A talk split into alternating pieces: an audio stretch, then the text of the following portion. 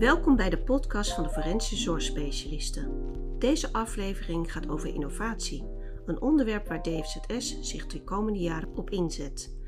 Zo is er dit jaar een innovatiechallenge georganiseerd. Tijdens deze challenge zijn medewerkers van DFZS gevraagd om na te denken over hoe de behandelingen van de patiënten en cliënten doorontwikkeld kunnen worden. De challenge is gewonnen door drie verschillende innovaties. Over deze drie winnende ideeën en het belang van innovatie binnen de forensische zorg praten we met Mariette Keizer. Zij is de bestuurder van DZS en een van de initiatiefnemers van de Innovatie Challenge. Mariette, jij bent bestuurder van de Forensische Zorgspecialisten. Voordat we meer gaan praten over de Innovatie Challenge, kun je ons misschien wat meer vertellen over de organisatie? Ja, heel graag. De Forensische Zorgspecialisten bestaat uit uh, twee onderdelen het onderdeel De Waag en het onderdeel van de Hoevenkliniek. Uh, bij De Waag hebben we elf uh, polyklinische klinieken, uh, heel erg rond de Randstad geordend. En bij de Van de Hoevenkliniek hebben we drie TBS-klinieken met drie verschillende beveiligingsniveaus. En nog transmurale zorg. DFZS zet in op innovatie. Waarom doet DFZS dit? Ja, als je kijkt naar onze organisatie, dan uh, wij zijn derde lijn specialist. Um, en dat betekent dat we echt hoog gespecialiseerd zijn in de forensische zorg. En om hoog gespecialiseerd te zijn, maar ook vooral te blijven, moet je je blijven ontwikkelen. Dus je moet werken aan je bestaande behandelingen, maar ook kijken naar nieuwe behandelingen om alsmaar ja, top of the bill te zijn voor de patiënten die naar ons worden doorverwezen. Want dat zijn altijd patiënten of cliënten met hoge complexiteit. Dus daar wil je echt uh, zo goed mogelijk op voorbereid zijn. En de Innovatie Challenge, hoe is die tot stand gekomen? Ja, hij is al een aantal jaren geleden voor de eerste keer uh, is die, uh, uitgezet. Toen uh, was er heel veel enthousiasme bij onze professionals. We hebben superveel bevlogen, betrokken professionals werken. Veel hoogopgeleide mensen die blij worden om mee te kunnen denken over verbeteringen die ze uh, alle dag in hun werk zien. Uh, dus we dachten, nou, we gaan echt dat gewoon weer een keer opnieuw doen. En ehm, omdat we heel graag buiten de onderzoeksprogramma's en de innovatieprogramma's die we hebben lopen, ook heel graag die stem van alle medewerkers willen horen. Want ze hebben ook superveel goede ideeën. Wie konden er meedoen aan deze innovatiechallenge? Iedereen. Dus uh, iedereen mocht meedoen. Iedereen kon iets indienen. En als er een idee was, waar moest hij dan aan voldoen aan dat idee? Ja, we hebben gezegd dat het echt wel over verbetering van de, of vernieuwing van de behandelinhoud moest gaan. Uh, dus dat was in ieder geval heel erg belangrijk. En uh, daarbinnen mocht het echt heel klein zijn, een kleine verbetering of een grote verbetering. Uh, dus het moest echt ten, ten bate komen voor onze cliënten en patiënten. Dat was denk ik wel de kern waar het over moest gaan. Mooi, mooi. Hoe is er vanuit de organisatie gereageerd op de challenge? Was er enthousiasme? Ja, echt super. Want we leven natuurlijk in hele rare tijden met corona en iedereen is ook heel druk om te zorgen dat dat allemaal goed loopt en dat we ons steeds op alle veranderingen en regels aanpassen. Dus dan denk je, goh, ik ben heel erg benieuwd hè, van nou, wat voor energie gaat er loskomen. En dan komen er 34 innovatieve ideeën. Nou, echt zo geweldig. En hoe is dat verder met de selectie gegaan? Ja, we hadden een uh, jury.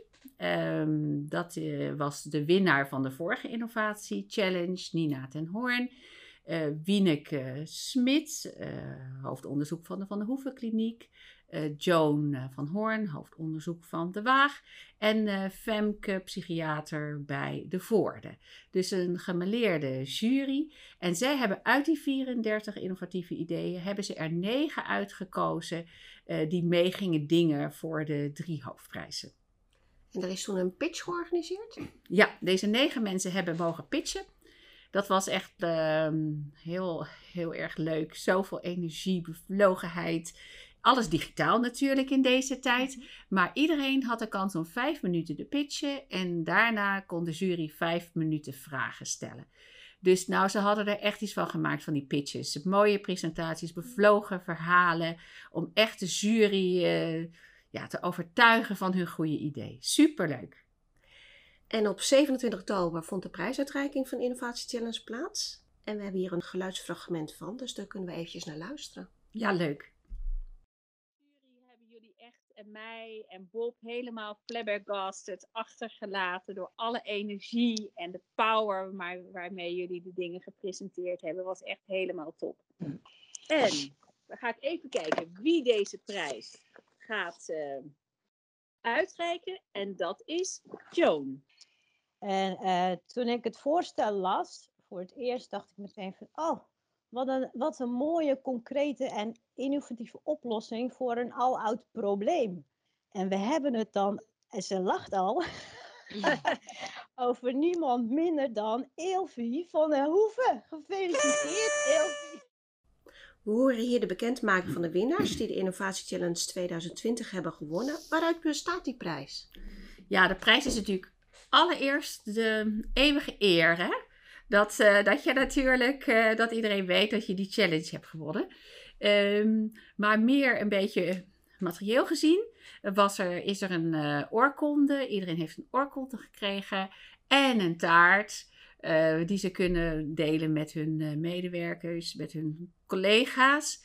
En wat de prijs echt behield, was een budget voor 30.000 euro, waarmee ze het idee wat ze hebben ingebracht echt kunnen gaan uitwerken. Kun je wat meer vertellen over de drie inzendingen die hebben gewonnen? Bijvoorbeeld als we kijken naar het voorstel van Ilvie van der Hoeven over het vergroten van taalbewustzijn. Waar gaat dit voorstel over? Ja, echt een heel mooi voorstel van Elfie.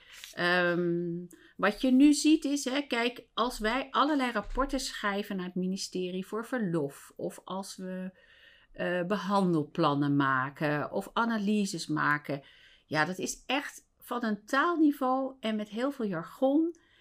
Uh, daar begrijpen onze patiënten even plat gezegd natuurlijk helemaal niks van. Dus haar voorstel is dat wij in de behandelplannen, want wat we heel belangrijk vinden en waar we echt ook gaan op inzetten de komende tijd, is dat de behandelplannen veel meer ook de behandelplannen van de patiënt zelf worden. Maar dan is het natuurlijk heel belangrijk dat die behandelplannen in een taal worden geschreven die die patiënt begrijpt. En we hebben natuurlijk ook een heel deel patiënten die helemaal niet zo veel met taal hebben of niet zo taalgevoelig zijn. Dus dat begrijpen van die behandelplannen gaat straks ook heel erg werken met pictogrammen. Um, dus dat we aansluiten bij het niveau van de patiënt, zodat de patiënt begrijpt wat de bedoeling is van zijn behandelplan. En dat veel meer zich eigen maakt en dat het zijn of haar behandelplan is. En dat maakt natuurlijk dat iemand ook veel meer aan het stuur gaat zitten om te zorgen dat dat ook voor elkaar gaat komen. En wat maakt dan het nou dat dit, juist dit voorstel zo innovatief was dat de jury dacht, daar moeten we echt wat mee doen? Ja, volgens mij is iedereen die werkt binnen de klinieken en ziet naar de taal en kijkt hoe onze patiënten dat wel en niet begrijpen, die hebben allemaal zoiets van: oh jeetje, daar moeten we echt iets aan doen. Dus volgens mij is het echt breed gedragen, dit issue. De tweede winnaar die bekendgemaakt uh, werd is Floor Denis van de Waag. Wat maakte zijn idee nou zo innovatief? Ja, Floor van de Waag kwam uh, met het idee voor een spel. En uh, het was heel erg grappig in de jury, want uh, er waren ook echt behandelaren in de jury die zeiden: Jeetje, Mina, moet ik spelletjes gaan spelen met onze cliënten? Uh, maar zoals Floor het over de bühne bracht, wist hij ons enorm te grijpen met zijn idee. Um, want eigenlijk gaat het hier ook een beetje over taal. dat we vaak heel veel met taal bezig zijn met cliënten. Maar een spel maakt dat je op een andere manier, meer visueel, meer fysiek uh, met een patiënt kan praten over zijn spanningsregulatie en over zijn grenzen die hij daarin heeft. En welke obstakels die in uh, zijn levenspad het hoofd moet gaan bieden. Dus dan gaat het niet alleen maar over praten, maar ook echt over zien, aanraken van het spel. Dus ja, dat kan echt een prachtige rol gaan spelen. Zowel diagnostisch als het monitoren van de behandeling, als ook echt het motiveren van de patiënten. Als laatste, maar zeker niet minder interessant, is het idee van Vrije van der Meer en Milo Oudehoven van de Van der Hoeven Kliniek over traumabehandeling. Hoe werd dit idee ontvangen door de jury? Ja, echt ook natuurlijk heel goed, hè, want ze, ze hebben een van de prijzen gewonnen.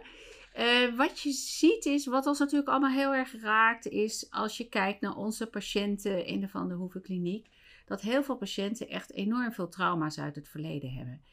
En als daar niet eerst al een soort stap is gezet met die verwerking, dan is het vaak voor patiënten heel moeilijk om open te staan om, om echt stappen te gaan zetten in hun behandeling. En wat is nu het mooie aan dit idee? Dit idee is dat je heel in, in wijze van spreken een week tijd met de inzet van EMDR, van sport, van psycho-educatie, echt mensen heel intensief in één week vanuit allerlei kanten uh, helpt om die trauma's uh, te verwerken. En dat betekent dat je ze heel vroeg in de behandeling dat inzet, waardoor je daarna ook veel sneller toe kan komen aan stappen voor uitzet. Gaan we doen samen met uh, Psytrack. Die heeft er veel ervaring in en die is ook heel erg geïnteresseerd om met ons te kijken hoe je dat in een forensische setting goed een plek kan gaan geven. En de ideeën die niet hebben gewonnen, wat gebeurt daar dan mee? Blijven die op de plank liggen? Nee, nee, die blijven zeker niet op de plank liggen. We hebben echt naar alle goede ideeën gekeken.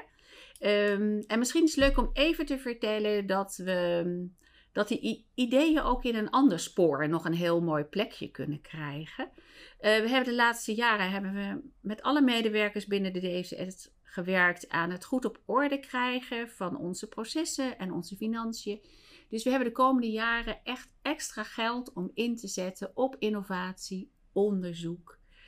Uh, want die twee zijn vaak ook best wel aan elkaar gelinkt. Want als je iets nieuws doet, wil je ook graag weten of het werkt. Um, dus daar worden nu uh, dit najaar driejarige plannen geschreven op innovatie en onderzoek. En aan de mensen die die plannen gaan schrijven, hebben we echt nadrukkelijk gevraagd: kijk naar al die mooie ideeën, hè, die 31 ideeën die geen prijs hebben gewonnen. En hoe we die een plekje kunnen gaan geven in die drie plannen. En de eerste lijntjes tussen uh, Larissa Hoogsteder, hoofdbehandeling van de Waag, en Wieneke Smit. Uh, de eerste lijntjes zijn al gelegd om te mhm. kijken hoe we de goede ideeën een structurele plek kunnen gaan geven. Ja. Wat zijn je verwachtingen voor de toekomst op het gebied van innovatie? Ja, ik hoop echt dat we door er zoveel um, energie aan te gaan geven en ruimte te bieden voor onze medewerkers, dat je aan de ene kant onze behandelprogramma's nog beter worden en meegroeien met de tijd. Um, en ook dat we veel beter nog in de link tussen innovatie en onderzoek gaan kijken. Wat werkt wel, wat werkt niet. Dus dat we daarmee effectiever worden. En wat je echt hoopt is dat de medewerkers, doordat ze kans krijgen betrokken te zijn bij innovaties, bij onderzoek, de kans hebben om te groeien en te leren in onze organisatie, dat we ze aan ons binden. En ook dat we mensen van buiten naar ons toe trekken, omdat ze denken: jeetje, dat is een leuke innovatieve organisatie om te werken. Nou, het lijkt me gewoon een heel duidelijk verhaal en interessant om te volgen hoe innovatie verder ontwikkeld gaat worden binnen de Franse zorgspecialisten. Ik wil je hartelijk danken voor je heldere uitleg en je tijd. Graag gedaan. Heel erg leuk. Een thema wat me heel erg aan het hart gaat en waar we echt eh, de komende jaren super veel energie in gaan steken.